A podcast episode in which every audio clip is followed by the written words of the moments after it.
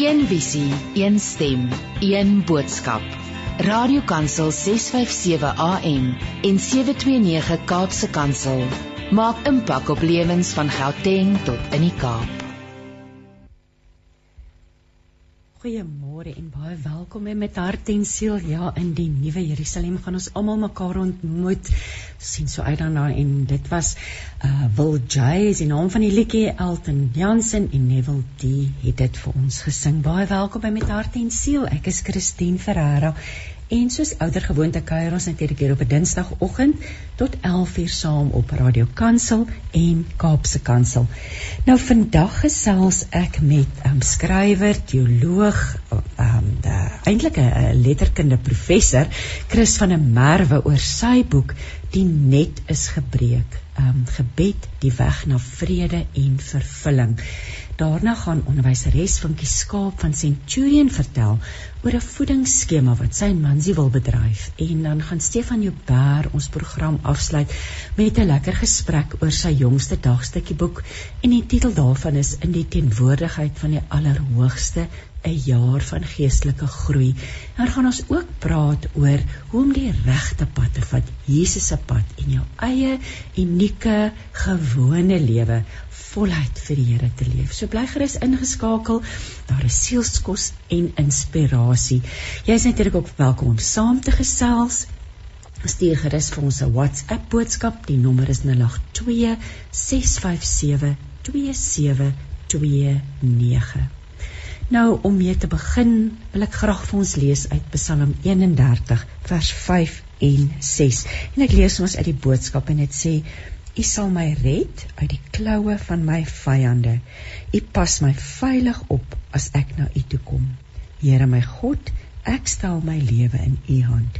U Here is die is die God wat getrou is om te verlos en dan natuurlik die ouer vertaling wat wat lees ehm um, die wag laat ek net daarby uitkom. O, oh, in Psalm 31 hier is hy wat sê Bevry my uit die vangnet wat hulle vir my gestel het, want U is my toevlug. In U hande gee ek my lewe oor, want die Here troue God, U het my vrygemaak.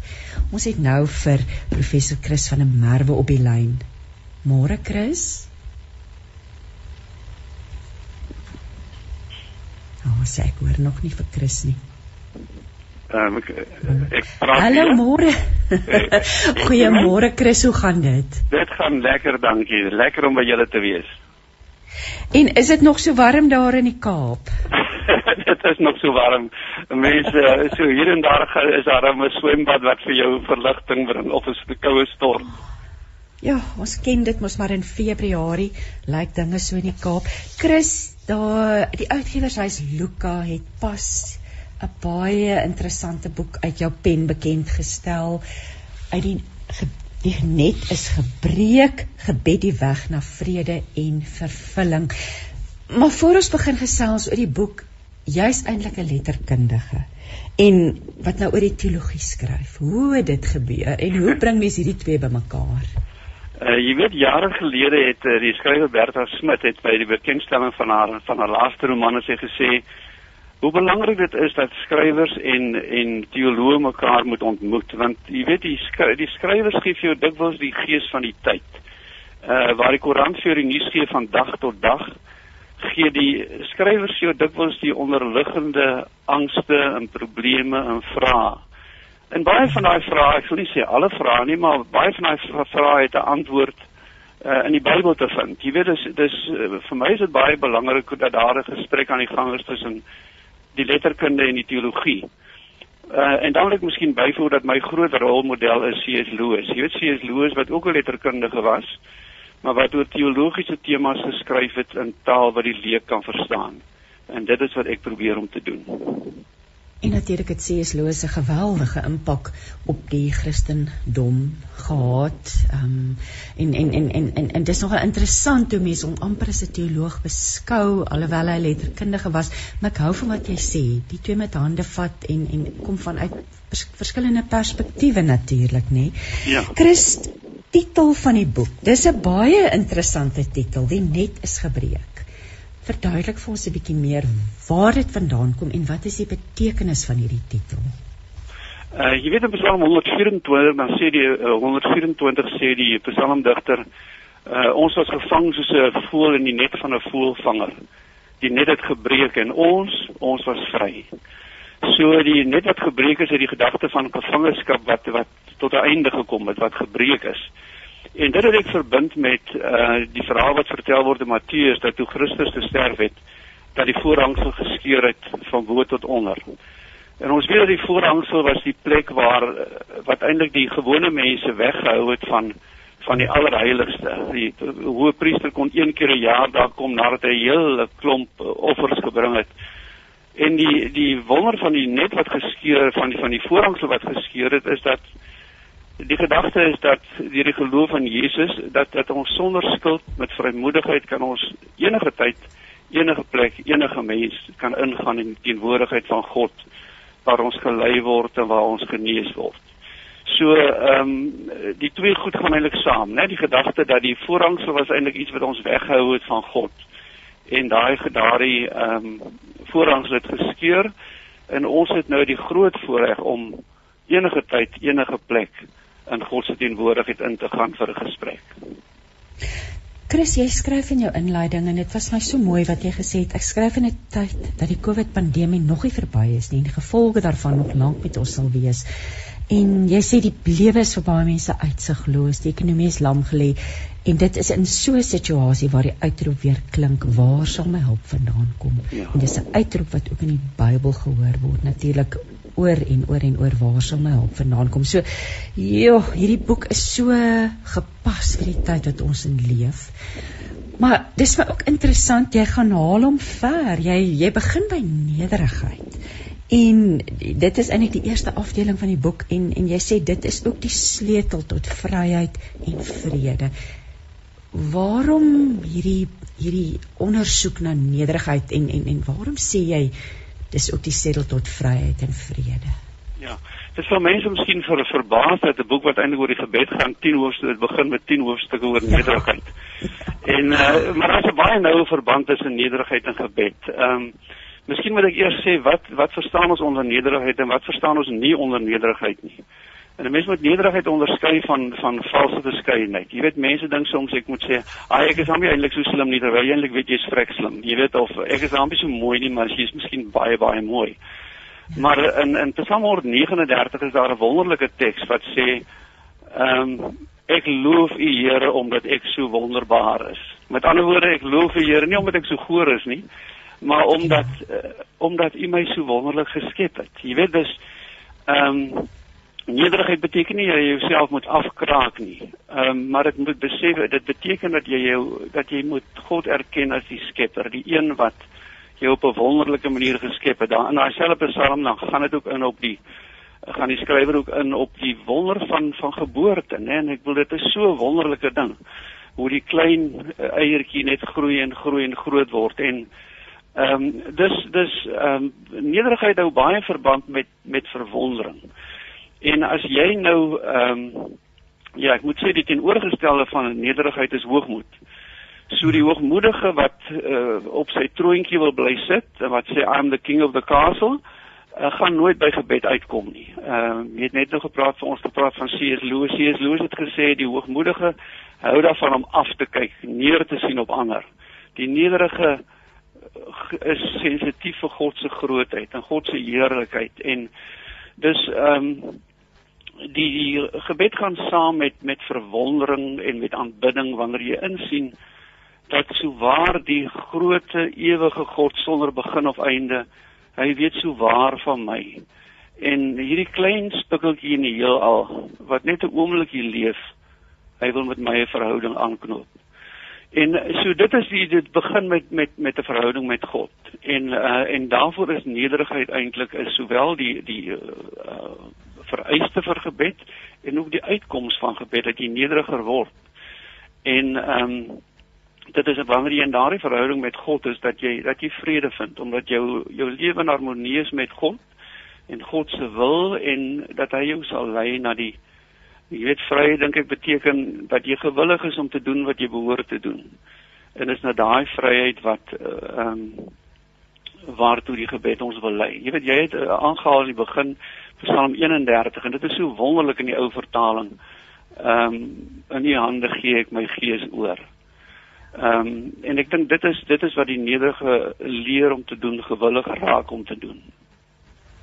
En nou Christus, dit vat soveel druk af nie. As 'n mens besef ek hoef dit net oor te gee aan die Here en dit ja. dit gaan nie oor my nie. Um, ek dink onmiddellik aan aan die die die hoog wys wys geleerdes of wat noem mens hulle die die skrifgeleerders die die wyses die die fariseërs in die tempel wat hardop die man het hardop gebid het en eh, daar's tog vir ons voorbeelde daarin in die Bybel ook en jy verwys ook onder meer na intellektuele hoogmoed dit is tog iets waarvoor ons moet oppas as gelowiges nê nee? ja ja Ja, mense is baie, jy weet, ons het soveel dinge ontdek, maar ek dink die regtig die nederige wetenskaplike weet dat hoe meer jy ontdek, hoe meer besef jy maar daar's 'n wêreld eh, wat jy nie van weet nie. Jy weet ek haal vir 'n gedig van Opperman uh, aan 'n uh, man met flits. Ek hoop ek kan dit nou reg vertaal, maar ehm um, uh, dat hy vir met te beweeg van klip tot klip. Ehm um, maar 'n duister land bedreig my alkant, né? So daar's 'n klein flitsie waar jy van weet maar daar's 'n groot duister land waarvan jy eintlik nie weet nie. En ek dink dit is noodsaaklik om dit te weet. Beteken natuurlik nie dat jy nie moet gaan probeer om te, die die wêreld te verken en meer te weet nie. Maar ek dink hoe meer jy weet, hoe meer besef jy dat jy nie weet nie. En en hoe meer besef jy eintlik die wonder van God se skepping, né? So hoe meer jy weet, hoef nie noodwendig dat jy jouself op die skouer klop nie. En natuurlik hierdie nederige hart berei ons voor om in te beweeg in die gebed. Maar voordat ons nou gaan gesels oor die gebed, sal want jy jy breek eintlik ontleed eintlik vir ons die, die onsse Vader op so 'n lieflike manier. Maar voor dit praat jy ook oor die kruisweg as as eintlik die die die die hoogtepunt van nederigheid. Jesus se lyding. Kom ons praat 'n bietjie daaroor want wat moet ons weet? Wat is hierdie aanloop dan? Um, die nederigheid wat ons bring tot by die gebed. Ja, jy weet, ehm um, die kruis is is so, soos Paulus ook sê, dit is eintlik 'n aanstootlike gedagte. Wie wil nou eintlik uh, soveel lyding hê? En ek dink nie een van ons kan ooit soveel ly as wat Christus gely het nie, maar maar iets daarvan uh, moet ons ook in ons lewe ervaar waar ons soos wat Jesus gedoen het in Getsemane en in ehm um, en op Golgotha dat ons ons eie wil onderwerp en ons eie eer onderwerp aan die aan die eer van God en die verheerliking van God en ehm um, om sy wil te doen. Hier Jesus gebruik ook die die eh, beeld van die koringkorrel wat in die grond val en sterf. En ek kan maar indink as ek nou by daai beeld kan bly dat daar koringkorrel is wat soos daar in Texas sê bigger and better wil wees. Jy weet, ek dink nie wragtig ek gaan nie aan die grond val en sterf nie, maar dan so 'n persoon bly alleen. Jy weet as jy die hele tyd eintlik gaan om jouself en om jou eie troontjie, Maar as jy gewillig is om jou wil heeltemal te laat gaan en nie in die eerste plek te soek na na jou eerlikheid nie, dan dan is die groot loon daarvan dat jy die vreugde het van 'n vrugbare lewe, dat jy vir ander mense iets kan beteken. Jy weet daar nie in die Ou Testament sê hulle uh, uh, sê die Here vir Abraham, ek sal jou seën. Hoe sal ek jou seën? Deur jou tot seën verander te maak. En ek dink dit is die groot ding dat Ehm um, wat 'n mens moet onthou, jy weet dat jy eintlik eers moet jou eie wil moet onderwerp in jou eie eer. Maar ek wil ook daar byvoeg, jy weet dat dat dit gaan eintlik heeltemal teen ons natuur in.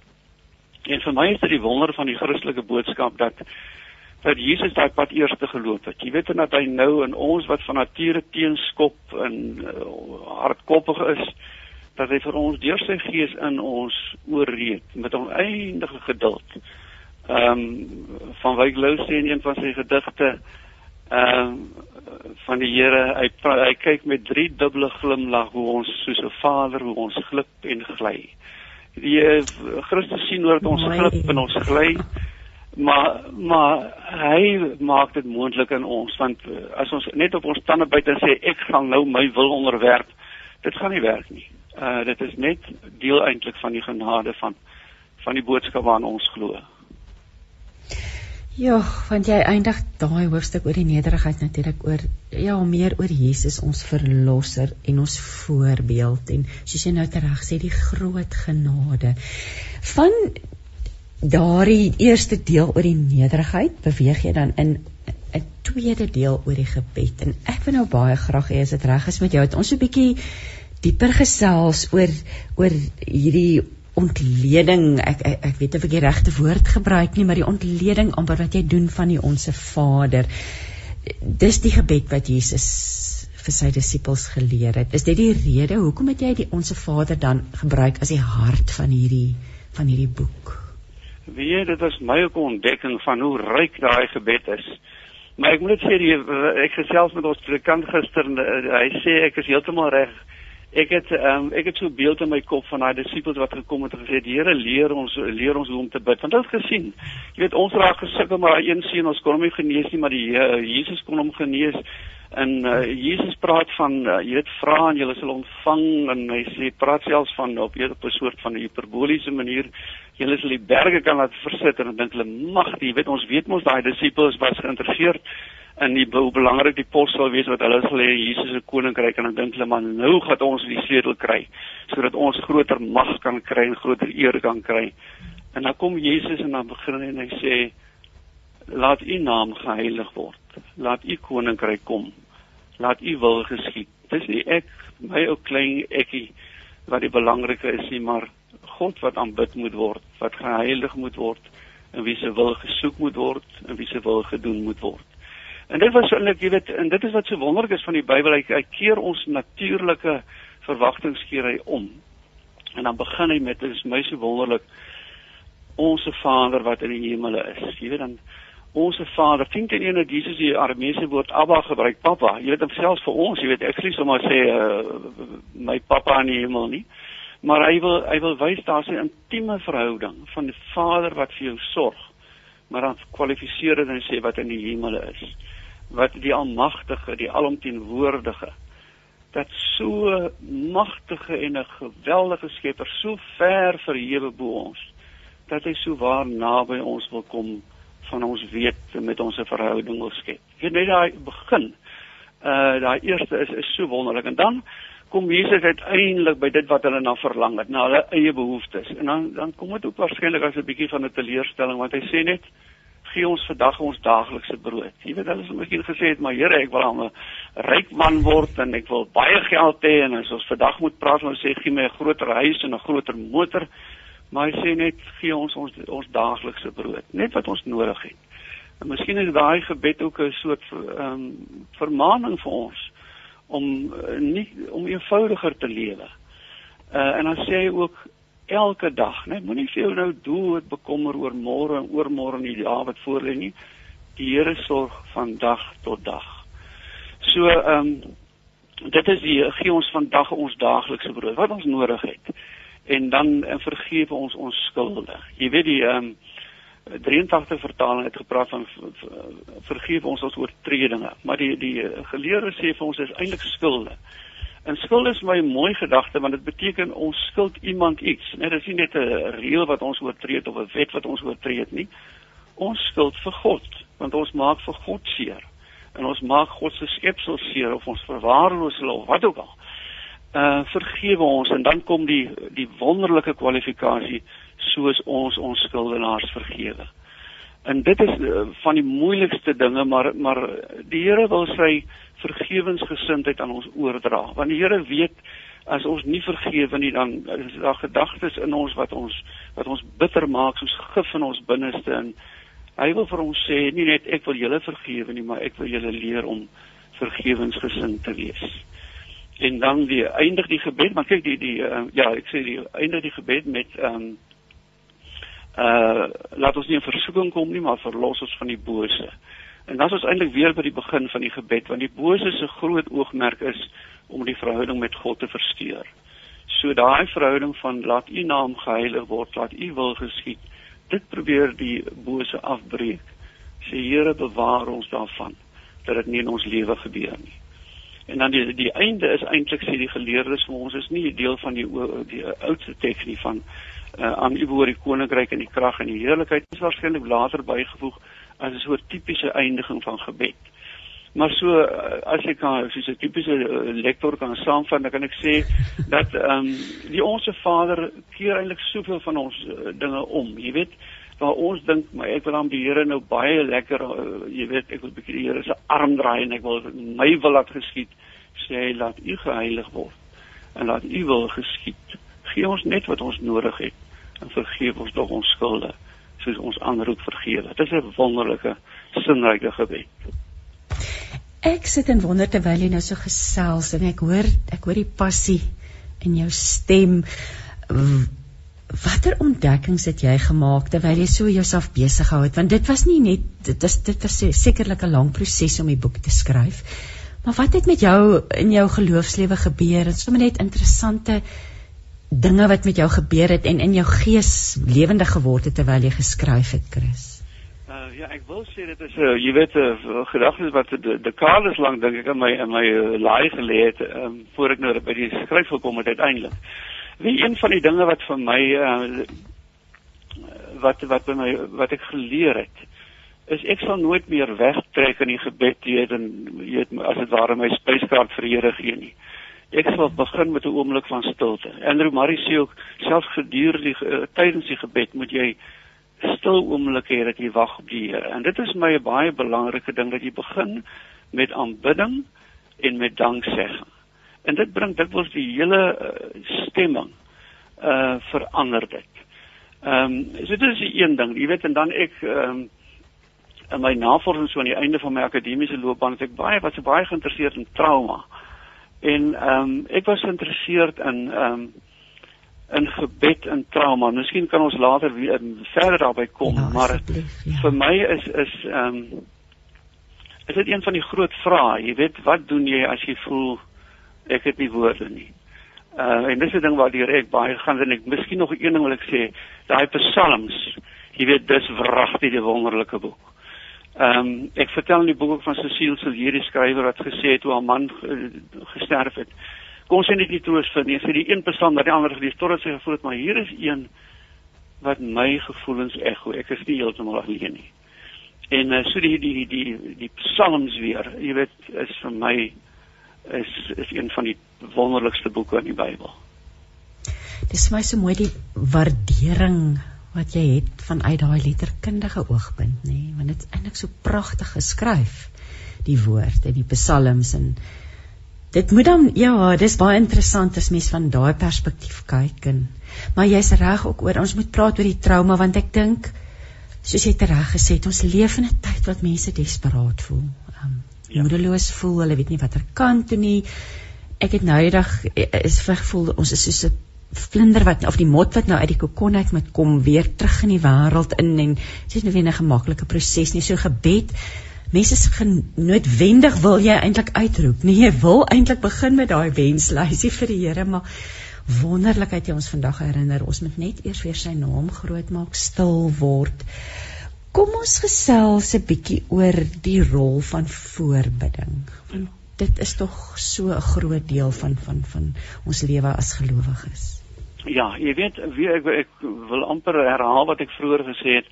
Ek dink 'n mens gaan, jy weet, baie mense het natuurlike neigings om te gaan met die gebed en sê maar ek wil hom nou vir die Here eh, herinner hieraan en daaraan, jy weet, en ek moet nou dit doen en dat doen dat. Die waarheid is die omgekeerde. Dat dat die Here in oneindige nederigheid wil hy so waar vir ons medewerkers maak. Uh in sy heilsplan. Jy weet en uh daar in die CS4 die Christelike Studentevereniging uh, was die lese bid en werk. Maar ek sê dit is nie twee dinge nie. Bid is deel van jou werk. Ehm um, en en die Here wil uh, dat ons bid verander. En hy wil sy gawes gee in antwoord op ons gebed.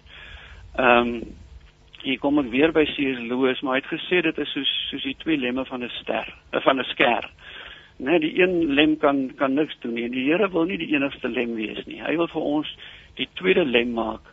Uh en ek dink dis een van die groot dinge wat ons verwaarloos is dat ons ehm um, dat ons nie genoeg voorbereiding doen nie. Ehm um, ons sê maar ons het nie tyd nie. Jy weet maar uh, Martin Luther het gesê Sjoe, ek my my lewe is nou so vol ek moet ekstra uh, ek moet 1 uur ekstra gee aan gebed. jy weet hy het geweet.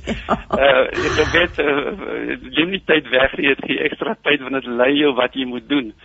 Maar maar so voorbereiding is 'n is 'n baie belangrike deel van die Christelike taak en is nie so dat dat ons as dit ware die Here dan nou moet ooreed en net herinner nie. Maar dit is eerder dat dat die Here deur ons sy seën vir ander wil gee. Jy weet maar as wonderlike voorbeelde wat ek ook aanhaal van uh, van Abraham wat wat vir Sodom en Gomorra gebid het en vir, vir Lot gebid het.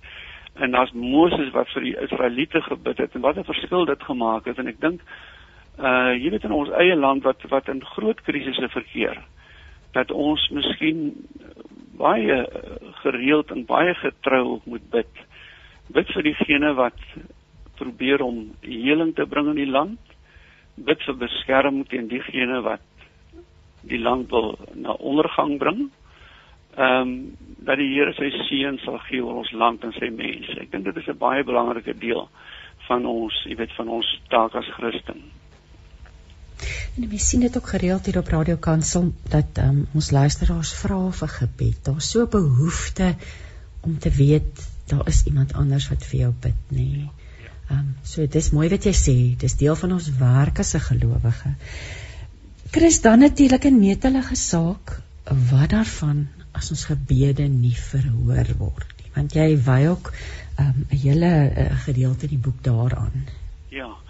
Ehm um, wel ehm um, dit is natuurlik so jy weet as 'n mens dit kom weer 'n bietjie daarop neer dat jy weet as 'n mens uh dink dat al jou gebede moet presies so verander word soos wat jy dit wil hê. En ek dink uh, ek kan 'n antwoord gee van waarom gebede uh, nooit verhoor word nie. Maar ehm um, die voorbeeld wat ek aanhaal is van Paulus wat wat uh, die doring in die vlees gehad het. Nou ons weet nie presies wat dit is nie. Maar hy het die Here 3 keer gebid. Verlos my van hierdie ding. Ek voel vir my of die duiwel my hamer met sy vuiste. En ehm um, ons weet dat Paulus baie wonderlike dinge laat gebeur het, maar genesings en so, maar die Here het gesê nee. En toe hy tot tot rus gekom, toe hy besef ehm um, dat die Here wil vir hom leer, wil vir hom op sy knieë hou.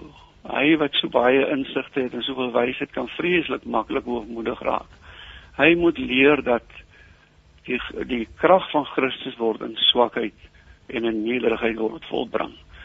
En en ons weet dat Paulus was so vrugbaar soos niemand anders omtrent was nie, net met al sy die geskrifte. Maar hy moes eers leer om ehm um, jy weet om om um, daai afhanklikheid uit te leef. Maar dit is natuurlik so dit maak seer. Ek weet dat die wonderlike voorbeeld wat ek ook aanhaal in die boek is die ehm um, die voorbeeld van uh, die die ehm um, William Barclay die teoloog wat sy dogter sien verdrink het voor sy oë. En ehm um, toe iemand vir hom geskryf Daai Here van jou wat so die storms kon stilmaak, waar was hy toe gewees? En dit was 'n uh, eh, Barkley moes deur 'n groot worsteling gaan en uiteindelik het hy uh, in 'n preek geantwoord daarop en gesê die Here wat die storms op see stil gemaak het, het die storm in my hart stil gemaak. En baie dikwels, jy weet as die Here nie ehm um, verhoor nie presies soos wat hy wat wat ons dit wil hê nie. Maar bring hy tog uiteindelik die storm in ons hart tot tot jy weet tot bedaring. Ehm um, ek weet nie of dit dis nie 'n ja, volledige antwoord nie, maar dis sover ek kan kom. Wel dit bring dit is versekerde vertroosting nê. Die Here bring die storm en dit as jy daai storm ons gaan lê dan dan kyk ons ook anders nê. Dan die golwe nie om ons nie. Ons kan miskien 'n bietjie anders kyk na alles. Kom ons praat 'n bietjie oor die waarde van stilte. Um, ons leef in so gejaagde lewe. Ons het so bietjie stil geword met die pandemie en ons gedwing was om om in ons huise te wees en maar dis asof dit maar nou net weer begin optel en aangaan en die waarde van stilte Chris. Ja. Maar jou mening. Jy weet ehm um, ek haal dit ook aan ehm um, Avro Pert die die die Litouwse komponis toe hom vra oor die oor die pandemie toe sê jy moet dit sien as 'n tyd van van vas. Nie 'n tyd van vas is 'n tyd van besinning. En ehm um, ek dink dat ehm um, ons moet versigtig wees om nie nou maar net na die uh, as nou die dinge begin lig die die uh, wolke begin te lig dat ons nou maar net weer aangaan soos vroeër nie. Jy weet ek dink uh ek het gehoor, ek weet nie of dit so is nie, maar Jung die sielkundige het gesê gejaagdheid is nie van die duiwel nie, dis die duiwel self. En ehm um, ek dink dit is die ehm um, dis die sekerste manier om God uit jou lewe te hou as jy nie gejaag bly. Jy weet as jy ek sou sê uh, vir my is dit noodsaaklik dat jy jou dag begin met met stilte en stilte tyd en en uh aandag gee aan aan die Bybel en aan aan gebed. Maar self deur die dag, ehm um, ek noem dit ook dat jy deur die dag ehm um, hier by ons is daar so 'n um, ehm, klomp spoedbulte en dan sê hulle is 'n calming zone. Nou ek dink nie dit kan meer baie mense nie, maar iets daarvan is miskien eh, verstandig om te onthou dat ons ons het in ons daaglikse lewe so 'n bietjie spoedbulte nodig om ons net weer te laat eh, wat het ons nou weer vanoggend gelees? Wat het ons nou weer vanoggend vir die Here beloof? En ehm um, jy weet ons ons ons dis gejaagdheid wat wat uh, God se stem kan stilmaak. Maar ek haal ook die wonderlike verhaal aan van Elia. Elia wat wat uh, dink ek duidelik in 'n depressie was en nou gesê het maar Here, ek is nou moeg vir die lewe, ek wil nou doodgaan. En dan kom die Here en die Here ontmoet hom en sê ons sien ons daar's nie 'n ehm um, die Here is nie waar die uh, aardbewings is nie en waar die woeste wind is nie, maar dan kom daar soos die 83 vertaling sê kom daar die fluistering van 'n sagte stilte. En dan is weer om ons is weer by William Barclay wanneer die storm in sy hart bedaar het en hy tot stilte en tot stilstand gekom het. Dan is dit wat hy die stem van die Here hoor.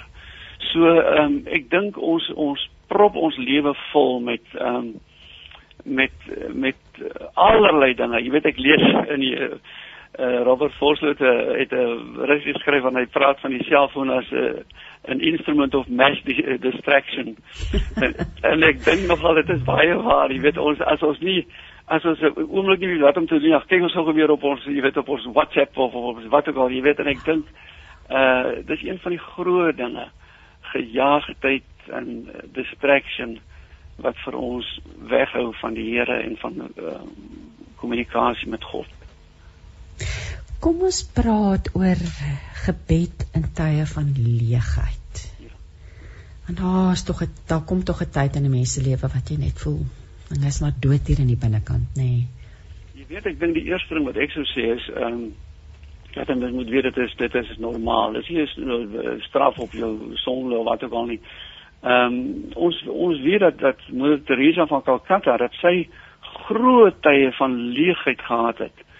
Ehm um, maar dikwels is dit juist daardie tyd wat eh, wat ons ook tot stilstand bring en wat ons laat nadink oor die lewe. Ehm um, ek haal daar 'n uh, eh, sonet van van Wyk Lou. Ehm um, dan praat hy oor dit, dit van Wyk Lou het in die Kaap gewoon en vertel hy hoe dit van die winter nagte lank reën dit en die son bly weg en dan op 'n dag breek die son deur en dan sê hy hoe kon ek dink dat somer ryker is as hierdie groei se stil geheimenis. So die die uh, leegheid is baie dikwels 'n tyd van die stil geheimenis van groei. En op 'n dag dan kom die son weer terug. So uh, dis die een ding wat ek wil sê dat dat uh, leegheid is nie ehm um, dis nie iets wat wat abnormaal is nie ehm um, en dit is ook nie iets wat 'n uh, straf op die sonde is nie maar hou hou net aan. Ehm um, jy weet hou aan om om moenie die die kontak met God doodsmoor nie. Hou aan hoe sê Psalm 27 wag op die Here, wees sterk en laat jou hart sterk wees. En dit is miskien wat ons moet onthou in tye van leegheid. Kom ons praat is 'n stapie verder want jy vat dit ook verder in die boek. Dit is so mooi die opskrif uit dieptes gans verlore. So daai regtige donker tye en wat dit regtig swaar gaan en moeilike dinge wat ons gebeur. Watter rol speel gebed? Wat wat leer jy vir ons in daai hoofstuk oor oor gebed in daardie tye? Ja, ek weet jy het ehm um, aangaan uit dieptes gangs verlore. Dit is nou 'n toesiese bereiming van Psalm 130, né? Ehm um, van redding ver vandaan waar hoop se laaste spore in wanhoop my vergaan. En toe is dit geweet waarvan hy praat. Ehm um, want hy self is is uh deur groot traumas getref. Jy weet, hoe kan jy dink hy is 'n professor in teologie. Uh 'n man wat glo in die Here en dan en dan gebeur vreeslike dinge met hom. Eerstens sy sy seentjie van 'n jaar oud sterf aan aan ehm um, hartinfarktsontsteking. En asof dit nie genoeg is nie, nie lank daarna nie, tref 'n donderstorm Potchefstroom, en sy dogtertjie van 11 jaar oud gaan om 'n uh, kombers of 'n doek voor die spieël te hang en sy word doodgeslaan deur die weerlig. En ehm um, jy weet en dan dan probeer hy daaroor skryf. Ehm um, en ehm um, hy uh die bundel wat uitkom dan is passieblomme, maar in een van sy gedigte wat wat vir my so wonderlik mooi is. Uh dan begin die gedig met ek wou my ganse digkuns waag om al my hartpyn uit te klaag. En dan besef hy maar woorde is nie toereikend nie. Ek het nie die woorde nie, ek kan nie bid nie want die woorde sê nie wat wat ek voel nie. Dan eindig die gedig met ek kan maar net my hart my hand op my hart sit en sê my God dit brand. En ek dink ehm um, in so 'n tyd is dit is dit miskien uh, jy weet voldoende om te sê my God dit brand. Maar vir my is een van die groot tro troosryke dinge in die Christelike geloof is dat ons glo in 'n God wat 'n menslike gestalte aangeneem het. Ons glo in in in Jesus wat gehuil het by die graf van sy vriend. Ehm um, Jesus wat gehuil het oor Jerusalem omdat hy geweet het watter groot ellende dit gaan tref. Jesus wat in Getsemane angs sweet eh, het van hom gedrup uh, Lukas sê soos bloeddruppels. So ehm um, wat vir my 'n groot troos is, jy weet is dat dat te midde van daardie ding ons kan nie altyd sê waarom dit gebeur nie want dit dit bly vir ons meestal 'n misterie maar ons kan tog glo in 'n God wat wat self gelei het en wat self gehuil het en wat self angstig was. En en dit is my die een groot ding wat wat ehm um, wat by my bly. Maar dan sou ek ook sê ehm um, ek kom ook al weer by die psalms. Jy weet ons het ehm um, uh Jan Pieter Kuiper is 'n man wat wat in Nederland het hy ehm um, uh hy het die die psalms het hy herberein. En toe ek 'n onderhoud van hom gehoor en dat en ons weet dat hy dat hy in 'n diep depressie lê.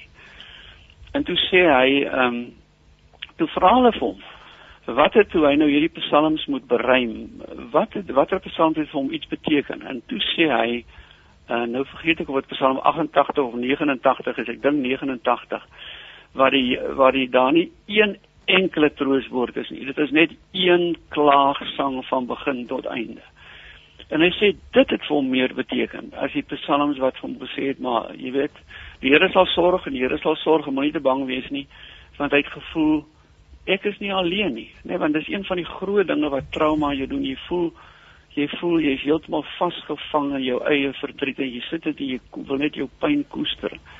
En toe lees hy dit my sien, maar ek ek is nie heeltemal alleen nie daar's ander wat so gevoel het en so waar die Here toegelaat dat daai Psalm ook in die Bybel uh opgeneem word. Of as 'n mens kom by die ander groot ehm um, literêre werk in die Bybel, die boek Job, uh toe is dit gesê dis die dis die dit is die beste boek in die Bybel vir hom. Maar ehm um, waar jy daar ook voel dat Tosius bly nie stil nie. Tosius is selfs gewillig om die Here aan te vat en te sê maar hoe hoe sê die Hollanders sê hoe kan dit nou? En ehm um, jy weet hy ehm um, maar uiteindelik kom hy wel tot die tot die berusting wat hy besef. Maar hierdie God wat die skepper is van alles wat leef. Hoe kan ek nou praat asof ek sy gelyk is? Ek moet buig en weet eers is daar dinge wat ek nie kan begryp nie. So so ek dink dat ek as ek uh, dit kan saamvat sou ek sê ehm um, jy weet jy hoef nie altyd grand woorde te gebruik nie. Jy kan net sê my God dit brand. Maar uh, in die Bybel is die is die groot troosryke gedeeltes dink ek is ehm um, in Job en in die Psalms. Ja, dit dit is hierdie wonderlike dinge wat wat wat die Here vir ons tot ons beskikking stel nê. Nee. Al is dit donker, al is dit die Job wat praat en en, en ja, dit is net eintlik lieflik om weer dit te hoor en herinner te word daaraan.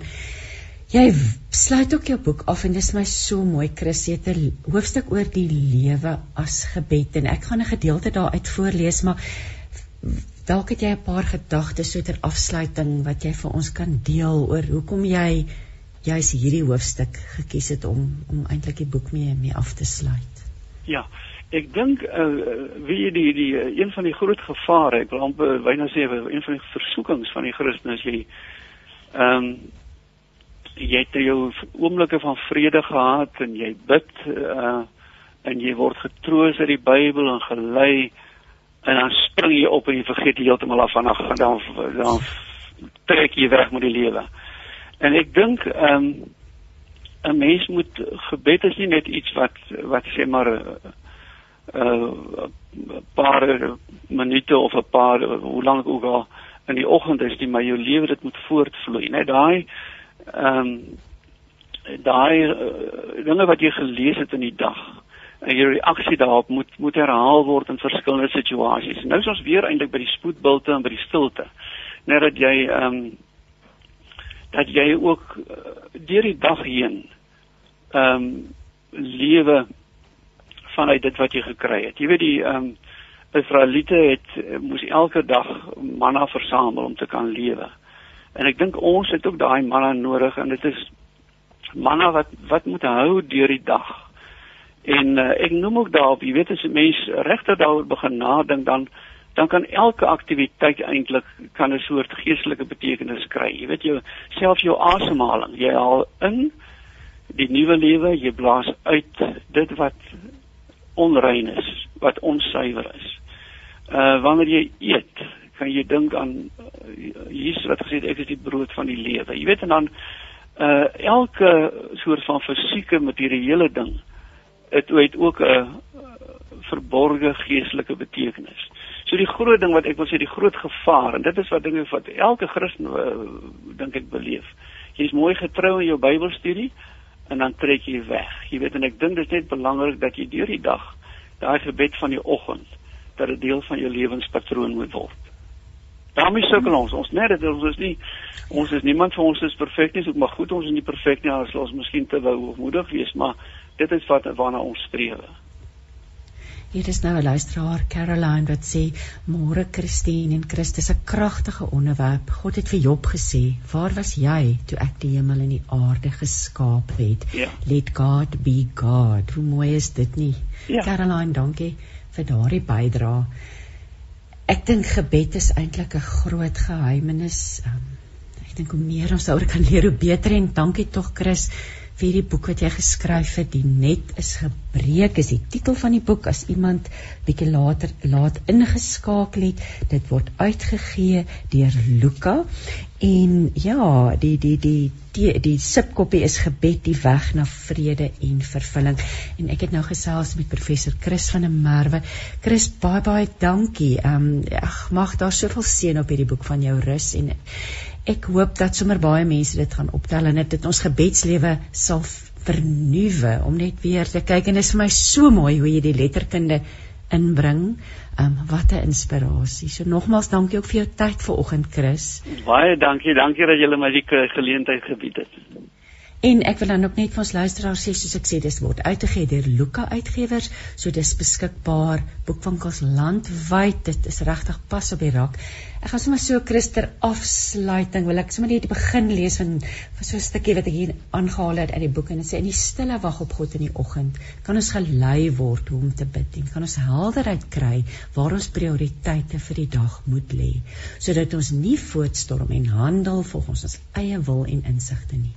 Die die doen van die werke waardeur waartoe God ons lei verander die wêreld rondom ons en word ons ook verander. Ons groei geestelik hervorm van kruis kruis tot kruis en van opstanding tot opstanding om die roeping te vervul wat God van ewigheid af vir ons beplan het.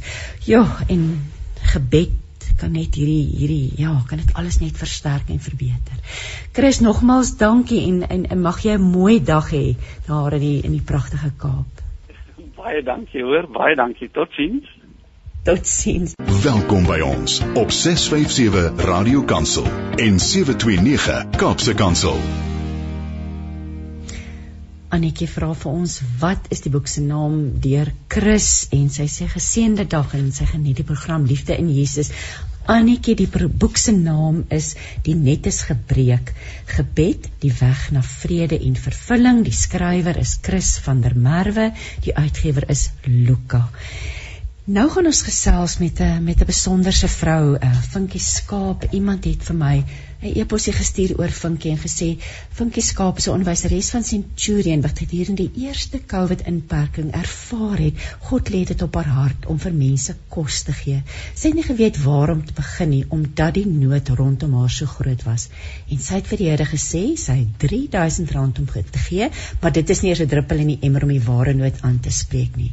En God het egter daardie R3000 in haar gewillige hart geneem en dit vermeerder tot 3.6 ton ton mieliemeel waar waarmee sy nou al amper 'n jaar en ek dink dit is nou al 'n bietjie langer kinders in Mansfield elke dag kos gee.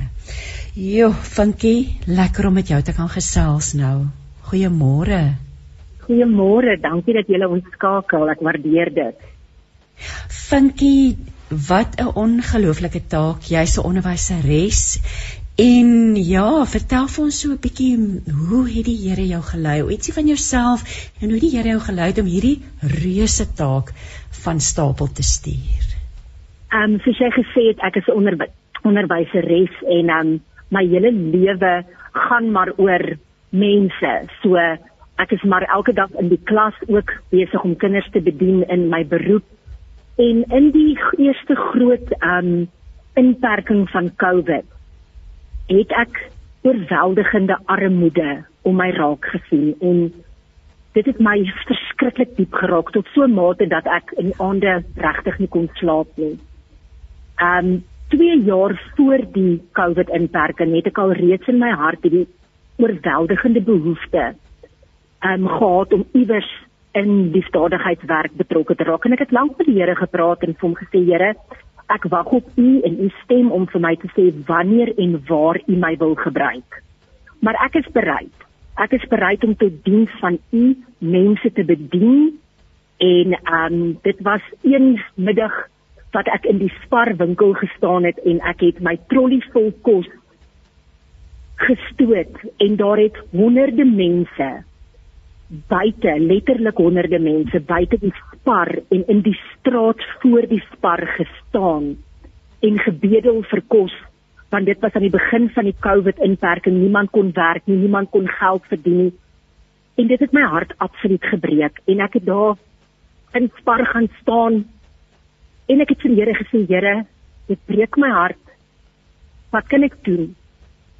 En die Here het vir my gesê begin 'n kosprojek. En ek het daar gestaan en gedink, Here, hoe op die aarde moet ek dit doen? Waartoe gaan ek? Hoe doen ek dit? Wat maak ek?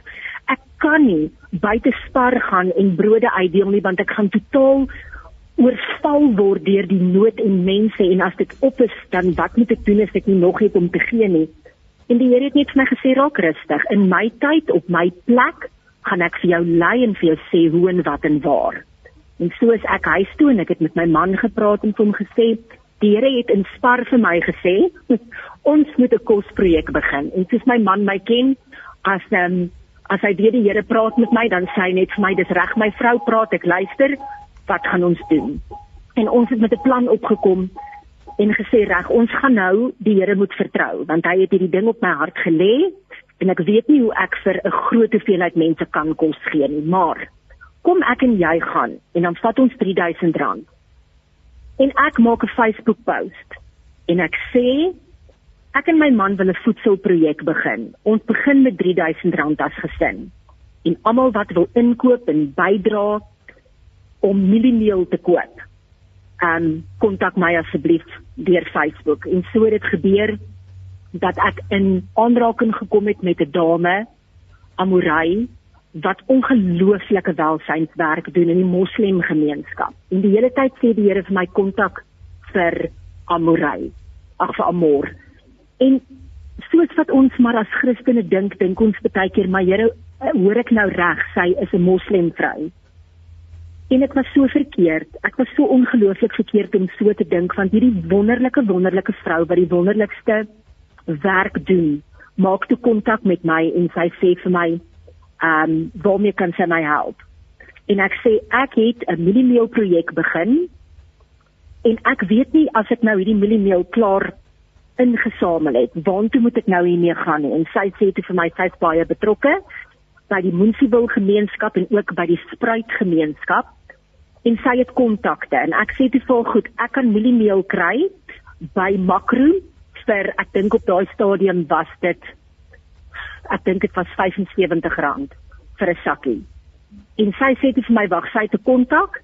Sy gaan ehm um, vir Foodline in Mamelodi, in Lodian, gaan sy kontak en hulle sê dit vir my, hulle sal vir my die meel gee teen R25 'n sakkie en vir elke sakkie wat ek koop kry ek een vir net.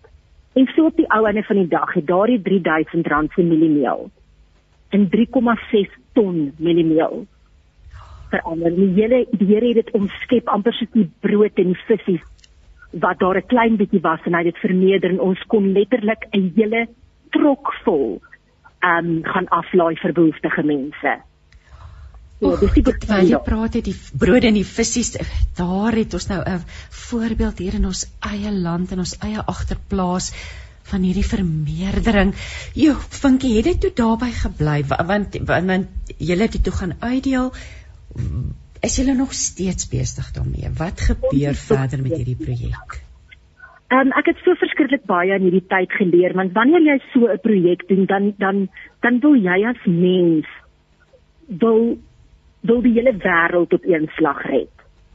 En ek moes tot besefing kom dat dit ongelukkig nie is hoe dit werk nie. Ons as mens kan doen net wat ons kan doen. Dit wat ons het om te gee, gee ons en dan is dit die Here Jesus se werk om dit te vermeerder soos wat hy gedoen het want ek het daar gestaan en vir die Here gesê goed maar ek kan niks regtig met 3000 rand doen nie. En hy het vir my gesê okay wees jy net gehoorsaam en ek sal daai 3000 rand gaan vermenigvuldig want ek is God. Ek is die een wat die wonderwerke doen. Jy is net my instrument. Ek gebruik jou maar ek is God. Ek doen die wonderwerk. Ek gaan vermeerder. En van daar af het ek toe vir die Here gesê goed, um, plaas my by 'n plek, by een instansie waar ek tot diens van U kan wees vir so lank as wat U my wil gebruik. En so het ek uitgekom by Moensiewil. Nou Moensiewil is 'n plakkerskamp in Kreersdorp. Daar woon baie baie blanke mense, daar woon baie kleurlingmense en baie swart mense en ons sorg vir almal. Dit maak nie saak wie jy is nie, ons sorg vir jou. En daar probeer ons op 'n daaglikse basis vir 250 kindertjies een bord kos voorsien. Indien daar 'n maand is wat ons genoeg fondse inkry en dit maak altyd my hart so seer om te sê indien ehm um, as ons genoeg fondse kry kan ons vir die groot mense van Moensiewil twee keer 'n week 'n bord kos gee. So die behoefte is ongelooflik groot. God se voorsiening is amazing want in die jaar en 'n half wat ons nou daar betrokke is, was daar regtig nog nie een maand wat ons nie vir hierdie mense kon kos gee.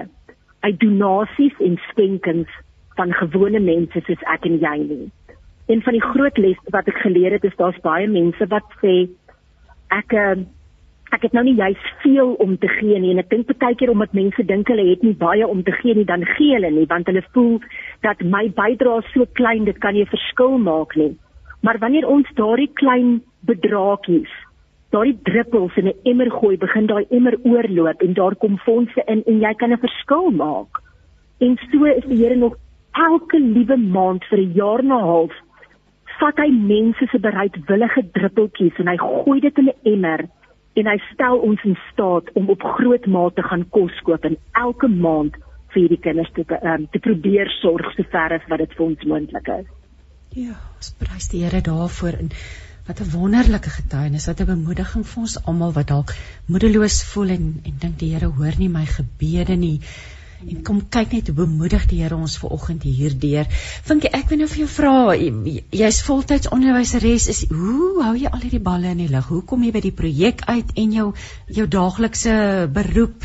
Hoe doen jy dit? Voor jy gebel het, het ek gesit en boeke merk want ek het vir myself gesê ek gaan nou merk tot jy bel andersins gaan ek nie klaar kry nie. So dit is nie altyd maklik nie.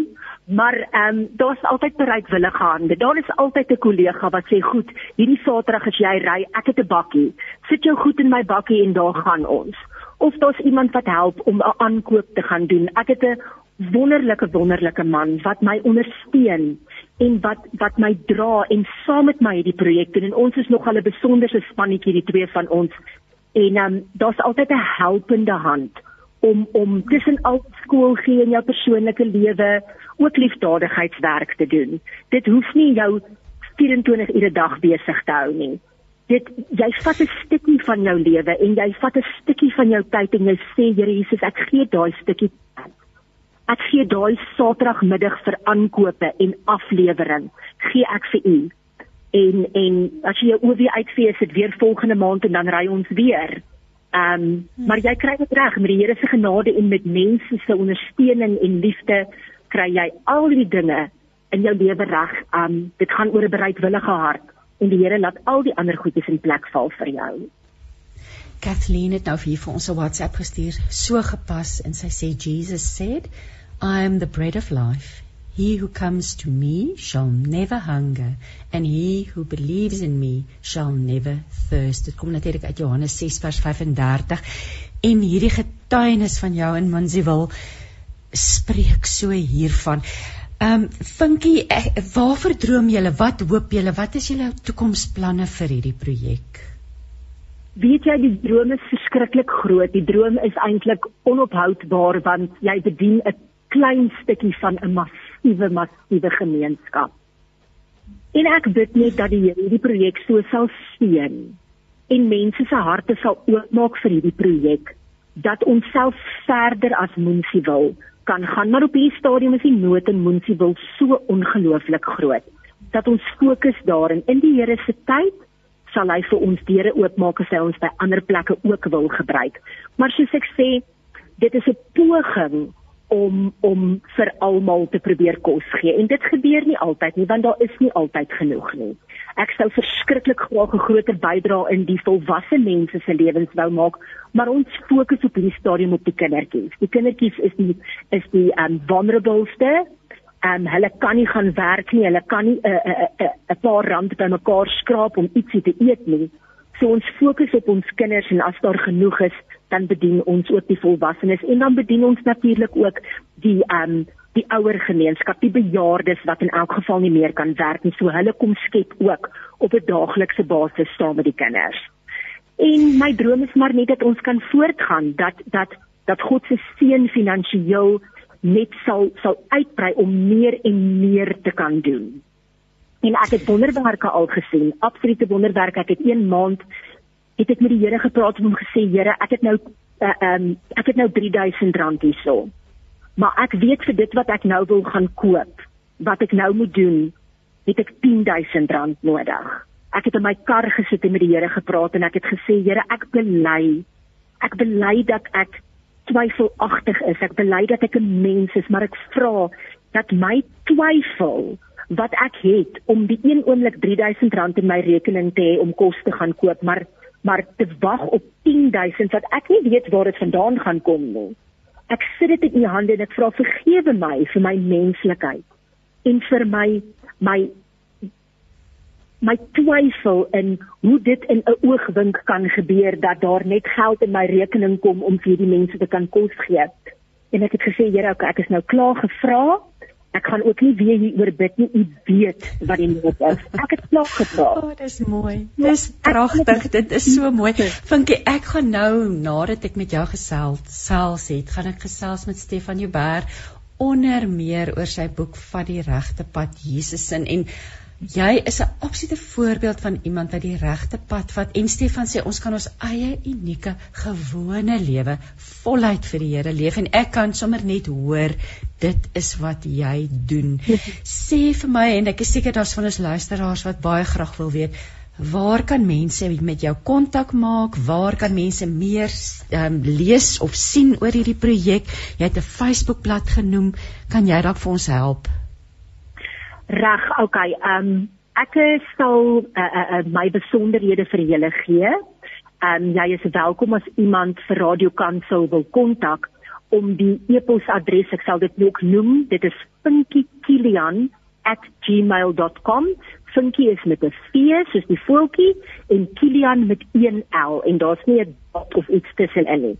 So dis funkykilian@gmail.com en dan ehm um, kan enige iemand my ehm um, op Facebook of probeer kontak onder Funky Kilian. Jy kan my profiel daar sien en ehm uh, baie van die skenkings wat ek inkry uh moet ek sê Facebook is nogal 'n wonderlike platform om te gebruik. Ek het al mense uit Jeffreys Bay gehad wat dit van geen kant af ken nie wat kontak maak en as ek weer kyk het hulle geldjie inbetaal en hulle het um geluister na die Here se stem en um dis ongelooflik eintlik watter platform iets soos Facebook is vir ons projekte. So ek maak my posts ook publiek sodat almal dit kan sien, maar jy sal my op Facebook definitief kan kry en ook op my um e-posadres funkykilian@gmail.com. As daar iemand is wat my persoonlike nommer wil hê, kan hulle ook skakel na um Radio Kansel as dit reg is met julle en vra daarvoor en my enige tyd kontak. Ja, as ek, hulle ek gaan wat wat sal gebeur is um ons ek gaan die kontakdetail deurgee vir ons dames by die kliëntediens. So as jy net die program luister en jy wil graag meer weet oor die projek, kan jy ook vir hulle kontak maar Vinkie se e-posadres is vinkykilian 2l k i l l i a n @gmail.com Daar's 'n 1L, net 1L. Ja. Daar sê dit ek het onmiddellik verander. Vinkie, alles seën. Jo, jy's 'n absolute inspirasie vir ons almal en baie dankie vir jou tyd vanoggend en dat jy daarmee kans kon kry so tussen die skoolhou deur om met ons te gesels en, en ons dit regtig waar dat dat die Here se hand op hierdie projek sal rus vandag en vir altyd. Baie baie dankie en seën vir almal. Baie dankie dat julle met my gesels het. Dankie Vinkie, alles wat mooi is vir jou. Dankie vir jou. En nou nou beweeg ons aan en ons gesels met groot voorreg om met Stefan Joubert te gesels. Môre Stefan. Goeiemôre Christine, dit is 'n groot eer en 'n voorreg. Dankie jong.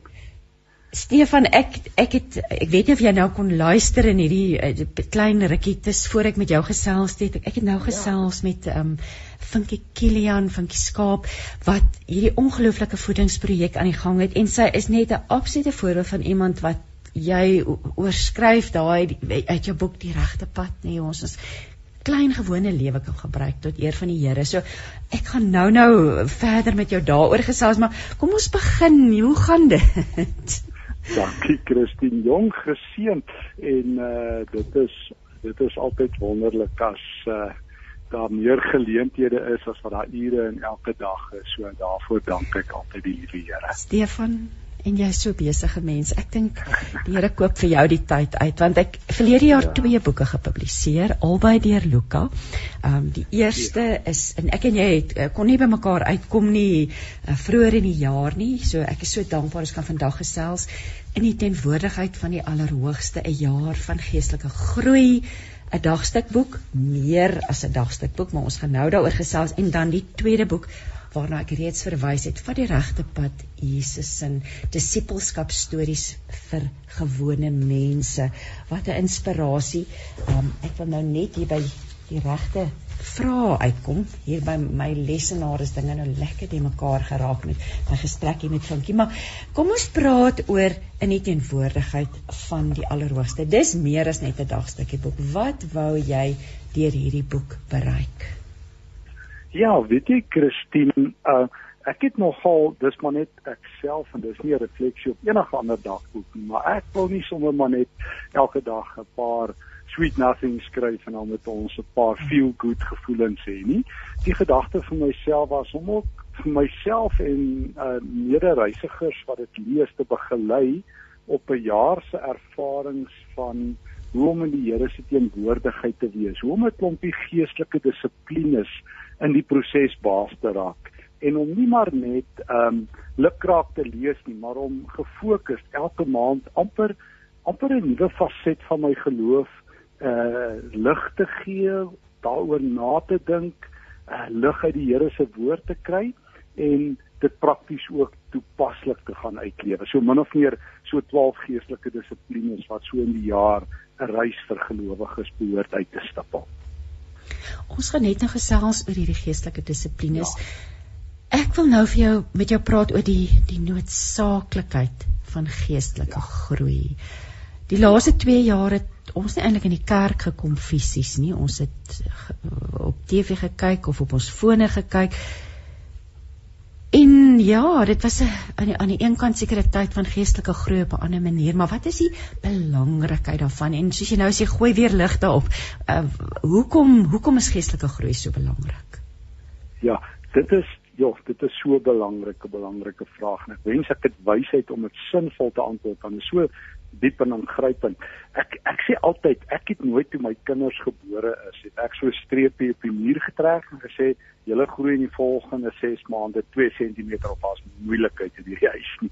So ek het nie my kinders gedreig om te groei nie, maar ek het nogal iets agtergekom. Ek onthou weet met eerbied toe my kinders gebore is, het ek nie vir hulle 'n pakkie chips en 'n Coke gevat nie. Ek het hulle by hulle mamma laat wees want ek het geweet ja. sy is deur die Here bemagtig om vir hulle te versorg met die regte voeding en alles. En ek het geleer by Petrus, um, ek kan nie eintlik self in eerste plek groei nie, maar ek kan my in plekke plaas, in posisies plaas waar ek groei.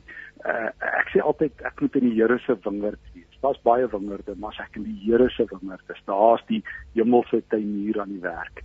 Ek weet in 1 Petrus 2 dat die Here se woord is soos hierdie Petrus sê dit soos hierdie hierdie uh, onvervalste melk van die woord. So ek het geleer geestelike groei is my intentioneel in die Here se spasies te sit bewustelik en en dan die Heilige Gees toe te laat om die vormende werk, die karakterwerk om my te doen en om dan te vertrou dat daai groei wat hy wil hê dat dit in my lewe sal plaasvind. So ek dink die tekens dat daar groei is. Ek dink het ek nogal by Paulus geleer is dat ek bietjie sal toeneem in kennis. Hy bid dit vir die ouens daar in Filippense 1 dat hulle sal toeneem in die regte kennis.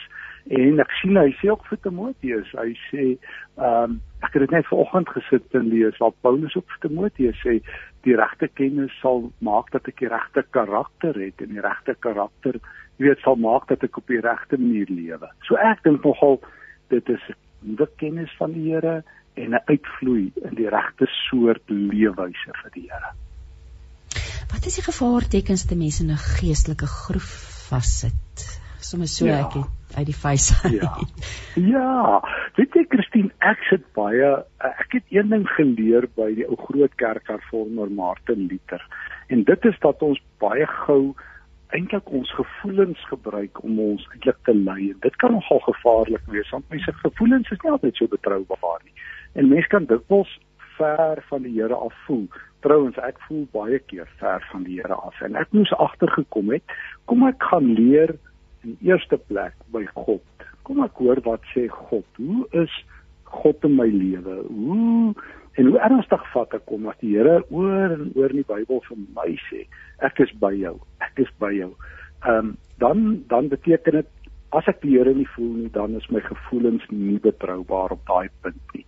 So 'n paar dinge wat ek moes leer in my plateau tyd om net eers te sê, het ek betroubare gevoelens of moet ek my gevoelens belyn met met wat God sê? Maar daar is net tye ook wat die Heilige Gees daarom nou regtig in mens karring en net sê ek is nou net nie op standaard nie. Daar's 'n paar skuwe nodig en 'n paar stukkies binnehuisversiering nodig en 'n paar geboue wat nou 'n paar buitekamers wat jy eienaar bouer gespeel het wat ons bietjie moet uitkap.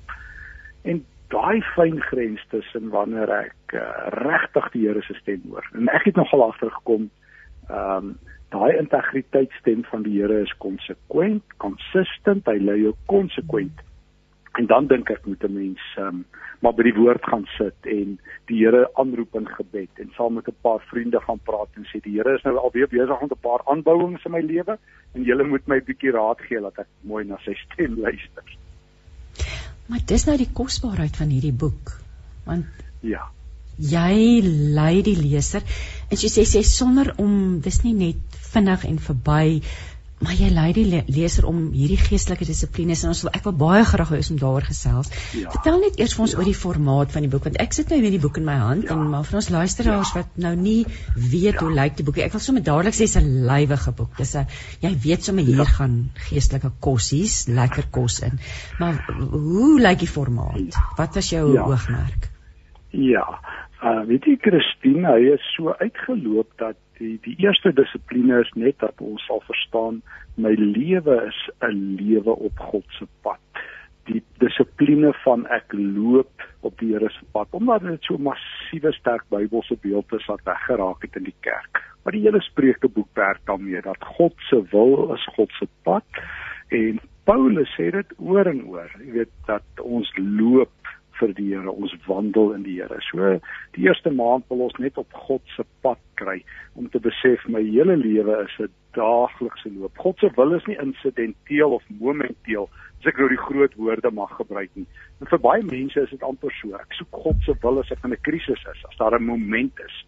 Ja. Maar die Bybel sê dis 'n pad. Dis 'n leefwyse, 'n lifestyle, so om in daai lifestyle te kom.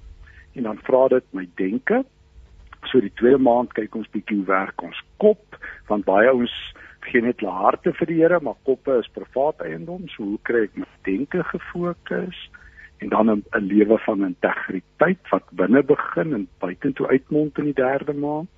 En dan iets vreemd, eh, die dissipline van hoe leef ek 'n lewe van eer, van honor. Hoe eer ek die Here? Want ek word opgeroep, maar niemand het my eintlik geleer hoe nie. Ek hoor altyd ek moet leef tot eer van die Here. Maar Stefan sukkel daarmee. Ek verstaan nie mooi nie. So ek en hoe eer ek ander mense reg? So dit vat ons 'n dissipline in een maand. En dan sal ook nog die dissipline so in die volgende maande van genade, selfdissipline en vreugde en wag op die Here en liefde, wysheid, heilige lewe en uiteindelik die laaste maand 'n lewe van oorvloed. Alles dissiplines wat ek in my lewe nodig het en wat ek bid dat uh, dit ook ander Christene sal sin maak. Weet jy wat as nou vir my merkbaar anders is dat jy nie net 'n skrifgie gee nie. Jy sê lees ja. Psalm 1, lees Psalm 3, ja. lees Openbaring ja. 4 vers 9 tot af. So jy lei mense ja. ook om ja. regtig tyd in die eerste tyd in die skrif te spandeer voordat jy in daardie dagstuk of in jou ek wil dit amper noem lering ingaan nie. Reg so. Wat het jou laat besluit om dit te doen? Ja, die Bybel kan dikwels ehm um, en ek ek ek verstaan dit met al die opregtheid. Ook in my lewe kan ek baie keer my net verlaat op 'n vers en dan vergeet ek om die vers te lees en ek hoop en bid dat as die leser daai vers gaan lees dan gaan die leser ook sommer die konteks lees en ek hoop hulle vergeet dan amper van die dagboek en sit net daar met die Bybel. Dan was dit 'n wonderlike ding want 'n dagboek mag nooit 'n plaasvervanger of 'n substituut vir die woord wees nie. So die die droom met hierdie dagboek was om juis eintlik uit die dagboek na die Bybel toe te gaan 'n bietjie dit na te dink en dan weer terug te kom as dit nodig is na die dagboek. Maar as die lesers daarna ook nie die dagboek lees nie dan dan was dit eintlik wonderlik as die woord hulle so gegryp het.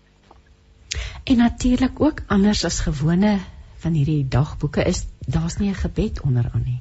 So jy ja. laat dit aan die ja. leser self oor om te bid.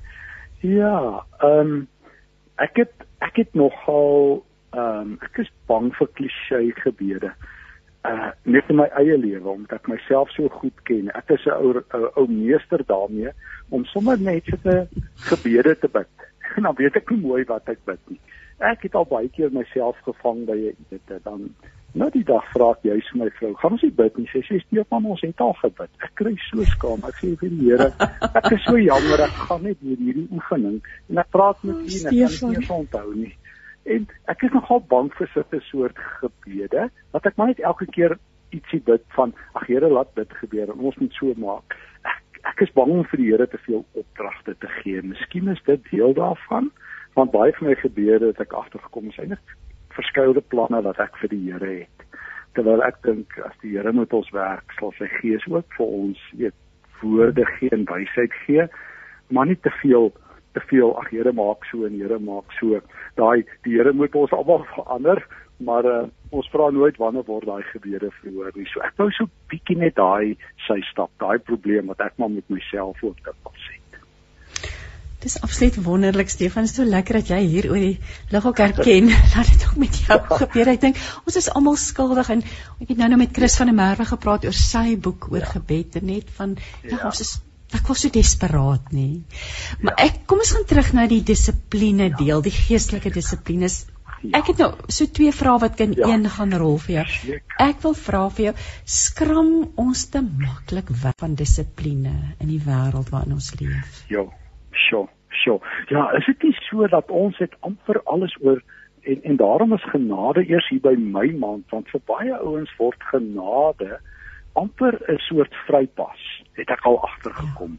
Jy weet die Here is ons genadig. Dit klink amper soos hier's vir jou 10 gratis sonde se dag. Dis amper soos Monopoly. Jy kry 'n get out of jail free kaartjie. Ag jy ek het al sulke gevalle gehad dat iemand het op 'n dag self, dit was nou 'n bietjie absurd, maar hy het dit ernstig bedoel. Hy vir my sê, weet, ek en die Here het 'n goeie verhouding. Hy hou van sonde vergeef en ek hou van sonde doen.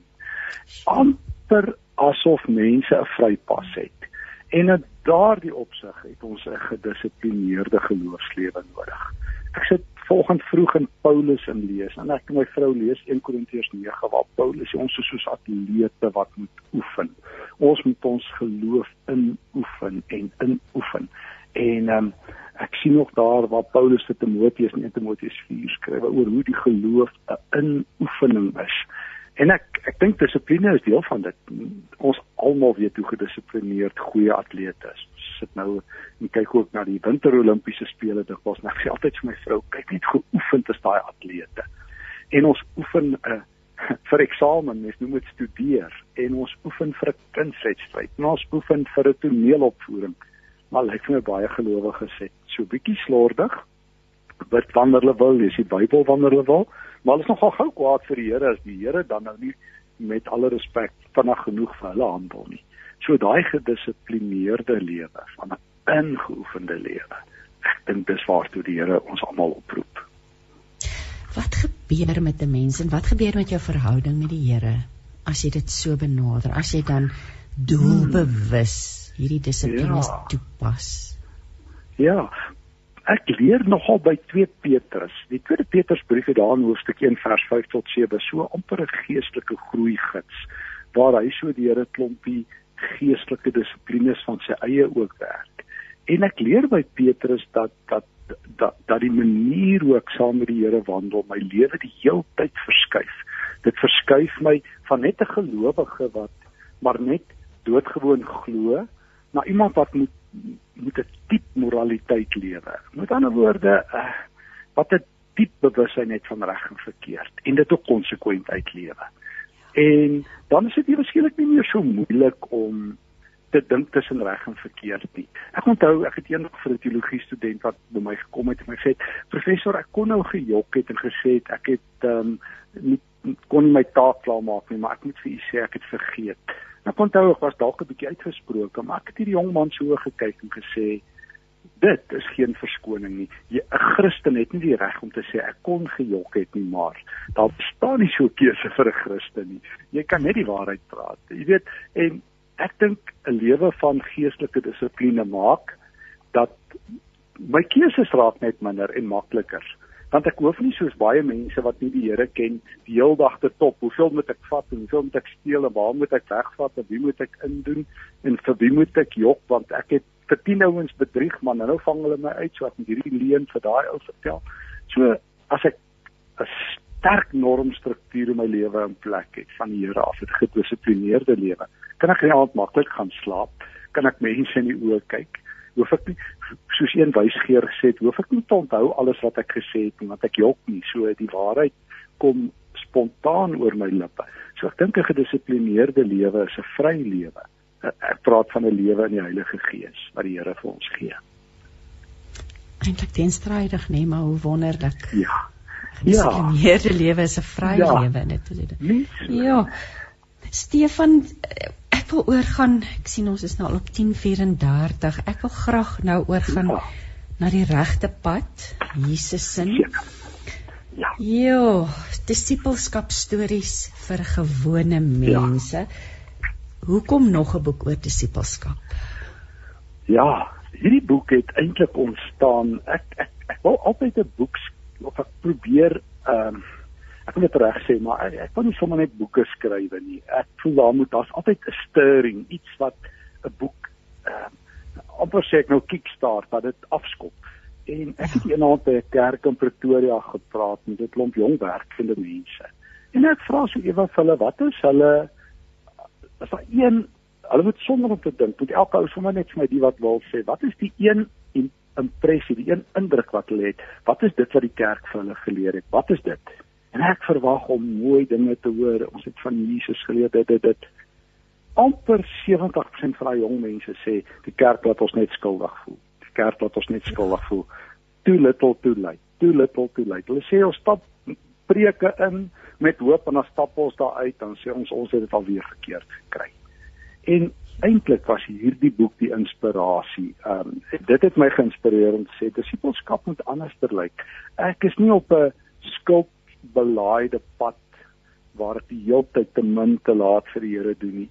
En ek is nie 'n superster vir Jesus nie en ek is nie nodig om ekskuus reg om die aarde 'n sendeling te wees nie. Ek het nie 'n probleem dat mense dit is nie maar gewone mense so die boek ek behoorlik geskryf het vir ouens soos ek wat op die Oosrand bly gewone Oosranders ons mag hy grappie maak maar ouens wat doodgewone Christene is wat wat wat nou net iets vir Jesus kan doen en en wat ook net die hele tyd met hierdie hipoteses werk nie want ek het ook groot geword weet ek moet eendag iets vir die Here doen en dan het ek 'n hoofstuk geskryf sê maar jy kan nou ons het voete tot rus kom of um, jy moet jou lewe uitsorteer. Toe ek sê maar God doen dit vir my om my skuldgevoelens van mense af te laai. Of um, jy moet iets agter jou naam hê soos my oupa laat het gesê. Kom ek agter my Jesus het sommer iets agter my naam gesit. Hy noem my sy kind. Ehm um, of ek moet mense gaan bekeer. Toe vind ek uit maar Jesus doen dit. Ek kan maar net agter hom aanstap. So om daai vryheid van 'n Christen te hê om so 'n bietjie die ander kant te beklemtoon want ek voel nogal God sien druk die hele tyd die een kant. Ons moet ons moet ons moet net te sê maar Jesus sê ek het ek het ek het ek het die prestasie meting namens jou gedoen ek het betaal kom loop net 'n bietjie saam met my en gaan jy sien verander die wêreld Stefan wie jy in gedagte gehad hierdie jong mense wat gesê het ja. die kerk is skuldig voel is dit vir wie jy hierdie boek ja. geskryf Ja, 'n klompie van die jonger generasie leiers en swane het ek het ek ook gevra om so kort stories te vertel. Jaco Stryde met nog iets vertel en Bouwer Bos en Lindy Stryde om 'n klompie mense sulke kort stukkies tussen leer ingevleg. Dit was nogal bedoel vir jong mense. Maar weet jy wat, ek het dit ook vir myself geskryf, ek moet bely, want ek is maar altyd um, op 'n hoe sê ek op 'n op 'n herstel van my eie geloof. Ek moet ook altyd my eie geloof herbesin want as ek myself kry, dan lê ek maar nog onder al hierdie ou godsdienstige dwang.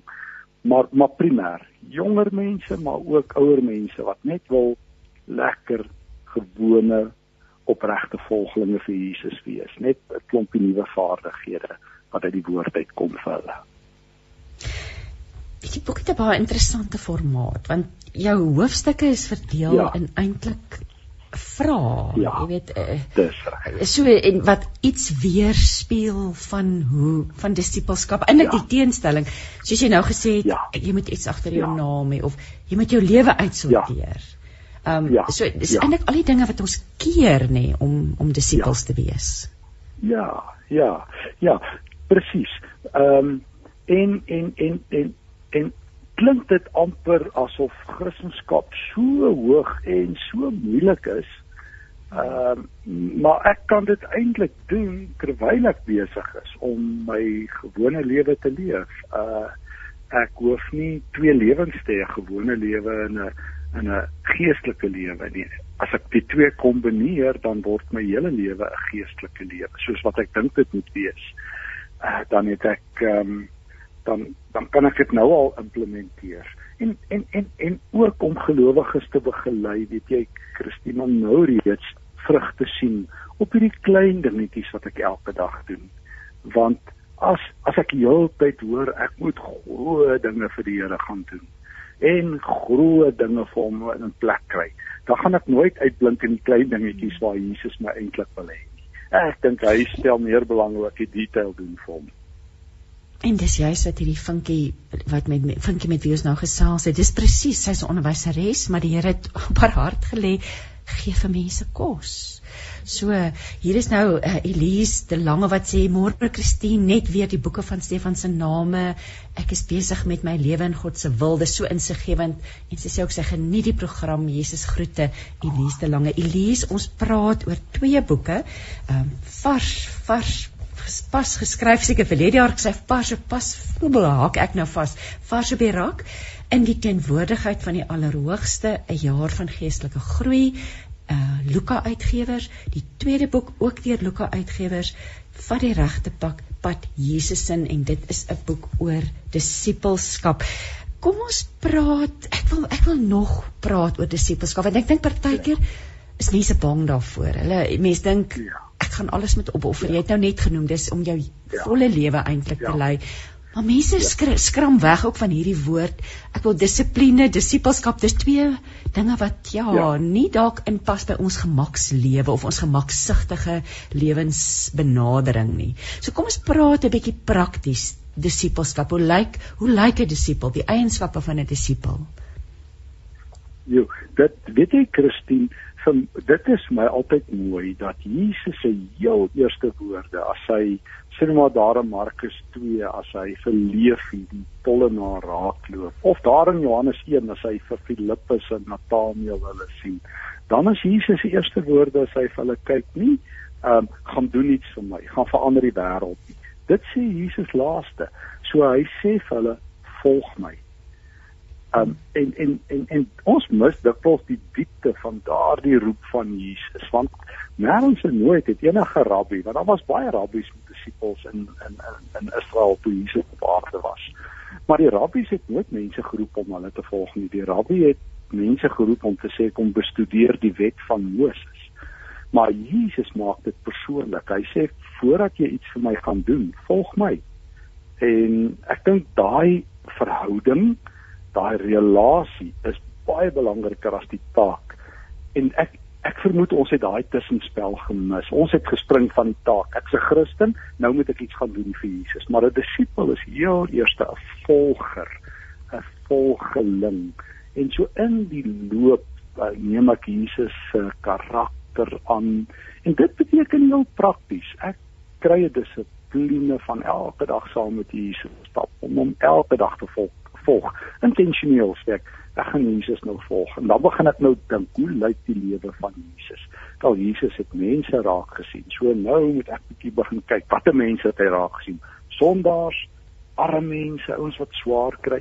Nou leer ek die Jesus loop aan en ek leer die Jesus kyk aan en ek kry Jesus se hart.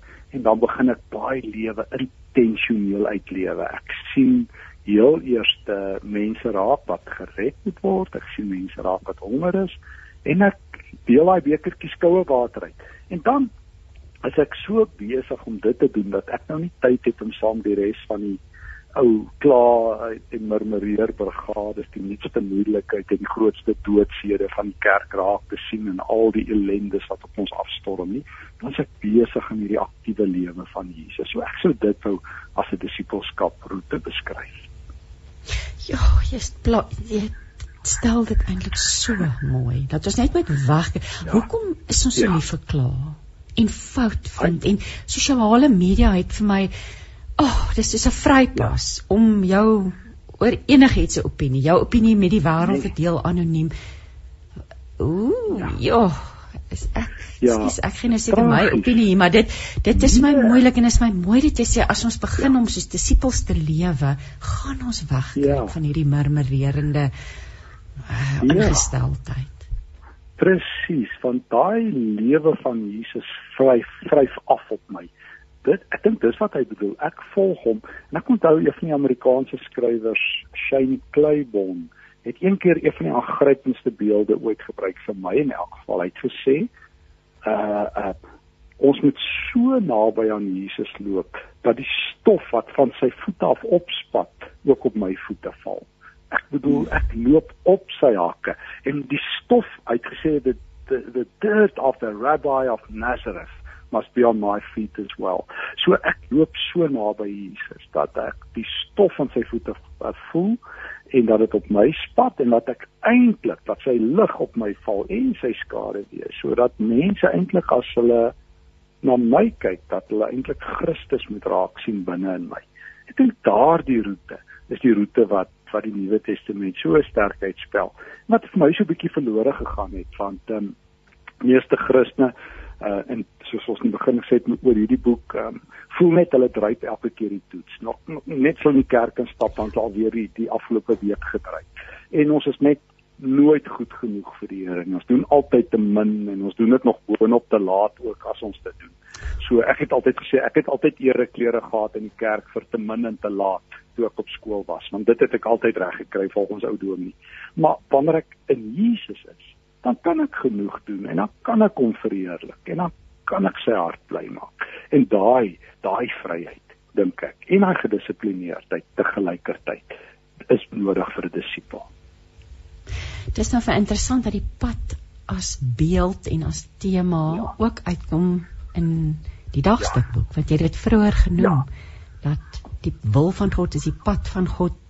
So Jo, Stefan, dis so lekker om so daarna te kyk en ons ken almal die bekende vers wat sê kom by die kruis wat kyk links ek sê vir jou die pad wys om te gaan. Ja. So ja. dan jy, jy stel dit ook vir my so mooi. Jy sê vat klein en aanhoudende stappe, maar laat dit stappe ja. wees wat tel. Ja. Ja. Ja. Ja, dit is daardie intensies wat ek het. Ek ek moet vir my sekere goeders inoefen want ehm um, Spreuke brand in my hart en dat 'n mens Spreuke se woorde dat 'n mens se hart onbetroubaar is bo alle dinge. Sê daar in Spreuke 4 wat die Spreuke skrywer dit sê as ek reg onthou.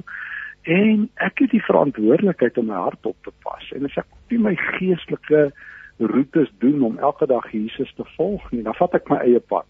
En ek is baie goed daarmee. Dan se ek nikkerig, ongekrap en selfsugtig en dan as ek arrogant En daarom moet ek elke dag hierdie roete van Jesus kies om intentioneel uh, die regte dinge te doen. Ek moet intentioneel bid. Ek moet intentioneel met sy woord besig wees. Ek moet elke oggend want as ek myself nie kry nie, dan sit ek myself voor in eers staan. Sy so wekkertjie lui, dan moet ek eers nog goed kyk wat het in die nag gebeur terwyl ek geslaap het. Dis bestaan die wêreld nog. O, oh, Stefan. Dit is so die waarheid. Ons is almal skuldig daaraan. Ek sê oh. jou. En dan dan moet ek my selfoon net eers afsit en sê Here, vandag is die dag van die Here, soos wat U beloof het. Here, dankie dat ek lewe. Jo, ek het, ek kon in die nag dood gegaan het en by U gewees het, maar U het besluit dat ek nog moet lewe en hier is ek. En maak dit die dag van die Here en laat my van nou af U sien. So en in die aand ek gaan slaap, ek dieselfde doen, my kop afsit en nou nie weer lê en top oor alles wat verkeerd is nie, dit los by die Here. So daai klein dissiplinetjies is die klein oorwinnings wat uiteindelik 'n roete van 'n lewe van oorwinning. Stefan mes met hierdie boeke hand aan hand lees.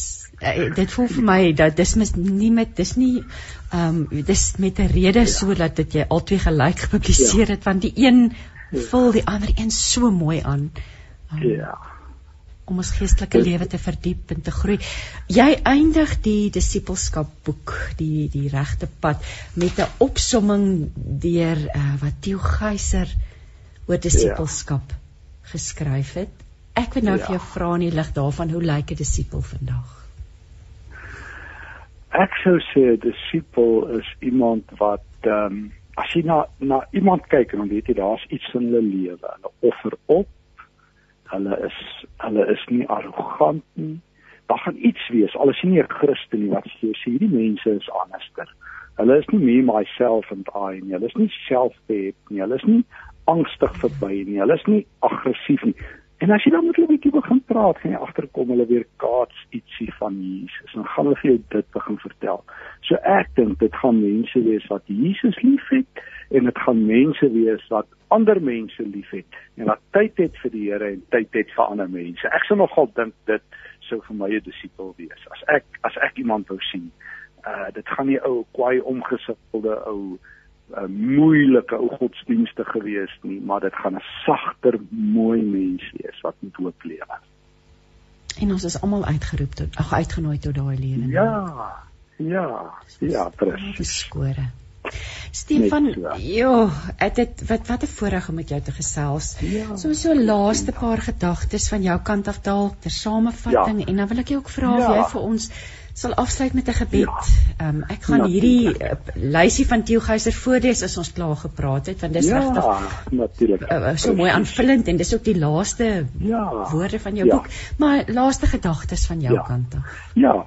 Ja, ek is so dankbaar vir so 'n boek. Ehm um, die die boek het al so 'n paar jaar terug hierdie einste boek, dis kom hulle nou gelyk gekom, het ook al verskyn. So Tieu het hierdie so 'n paar jaar terug geskrywe vir my toe ons die boek die eerste keer getackle het en toe ehm um, kan nou gekom en dit nou vir ons mooi verpak eintlik in hierdie formaat. So ehm um, ek was so dankbaar dat die Here so 'n klompie mense opgerig het wat uh, wat hierin geskryf het, ook in hulle verhale kom deel het en dat dit eintlik nou weer uh, in die mark kan wees maar van die vraag is net ons leef nou daarom in 'n baie baie onstuimige tyd maar dit is ook die, die beste van alle tye om regtig sterk vir Jesus te skyn want uh, sy lig wat in ons is is sterker as um, enige duisternis wat die wêreld op ons afstuur. Ag Christine, wat 'n voorreg dat uh, dat ek saam kon gesels. Mag die Here dit ryklik seën en mag ek saam met ons bid. Kan ek vir ons afsluit? Ja, asseblief Stefan. Ja, ag Here Jesus, dankie vir Christine en dankie vir hierdie kosbare program waar sy ons almal begelei met soveel wysheid. Dankie vir vanoggend se saamreis. Dankie Here dat U ons almal roep, een en almal, maak nie saak of ons oud of jonk, ryk of arm is nie, om U te volg. En hier is ons Here, ons sal U graag volg. Lei ons Here, loop voor ons uit in hierdie tyd, wees ons leidsman lei ons op die pad na die ewige lewe daar by u hemelse tuiste maar laat ons hier en nou 'n helder lig te skyn vir Jesus elke dag in Jesus se naam amen Amen. Ag Stefan, jy jy is kosbaar en dankie vir jou tyd. Ek weet hoe besig jy is en waardeer dit so baie dat jy met ons gesels het en dankie dat jy ons luisteraars kom seën het. Ek wil net die name van die boeke herhaal vir ja. diegene wat dalk nou eers ingeskakel het.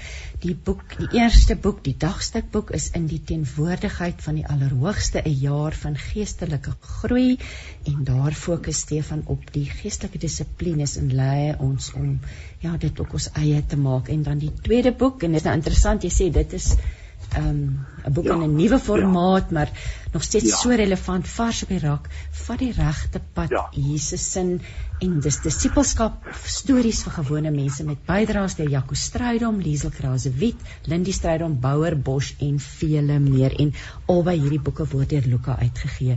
Stefan seën vir jou, seën vir Maritjie en die kinders en almal en ag mag dit sommer met julle baie goed gaan. Dankie Christine en vrede vir jou en vir al die luisteraars. Ek gaan nou soos beloof en ehm um, net die laaste stukkie lees hier oor die die lysie van eienskappe of 'n opsomming van disippelskap deur Theo Geyser wat sê disippels laat toe dat ander hulle blinde kolle wat hulle self nie kan sien nie na die lig bring. Disippels disippels weet wie hulle vandag liefgehad het. Disippels lewe met die regte vrae en nie soseer die regte antwoorde nie. Disippels ken stiltes voor woorde. Disippels weet die koninkryk van God is binne hulle. Disippels weet hoe om elke dag dood te gaan. Disippels is gedurig besig om balke te saag sodat die splinters hulle nie pla nie. Disippels kies transformasie bo informasie. Disippels offer of bring nie net gebede aan God nie, maar word die gebede. Disippels weet dat elke goeie somer deur 'n goeie winter moontlik gemaak word en disippels leef uit die oorvloed van eenvoud. Kom ons luister nou ter afsluiting na Melanie Vosloo wat vir ons voorlees uit haar dagstukkie boek Krag vir elke dag. Jou daglikse reisgenoot 657 Radio Kansel en 729 Kaapse Kansel. As God in 'n situasie kom Soms lyk 'n situasie regtig hopeloos. Ons het eenvoudig nie oplossings nie en dit lyk asof daar net geen goeie uitkoms kan wees nie.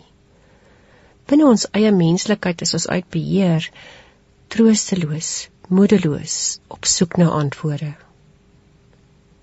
Dis 'n plek van onreddering, onsekerheid, angstigheid.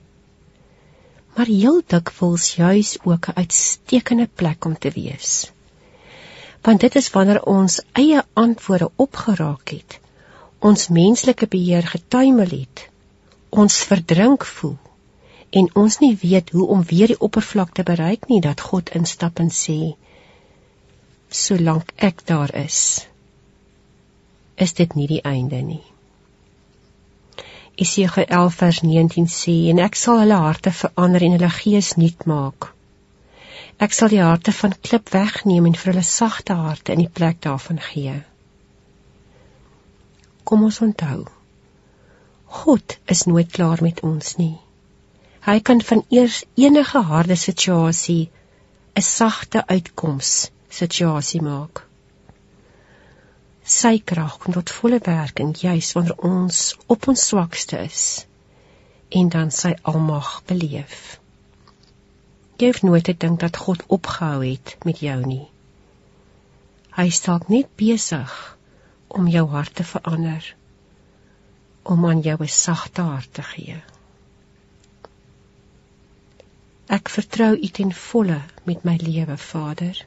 Ek vertrou U met my hart.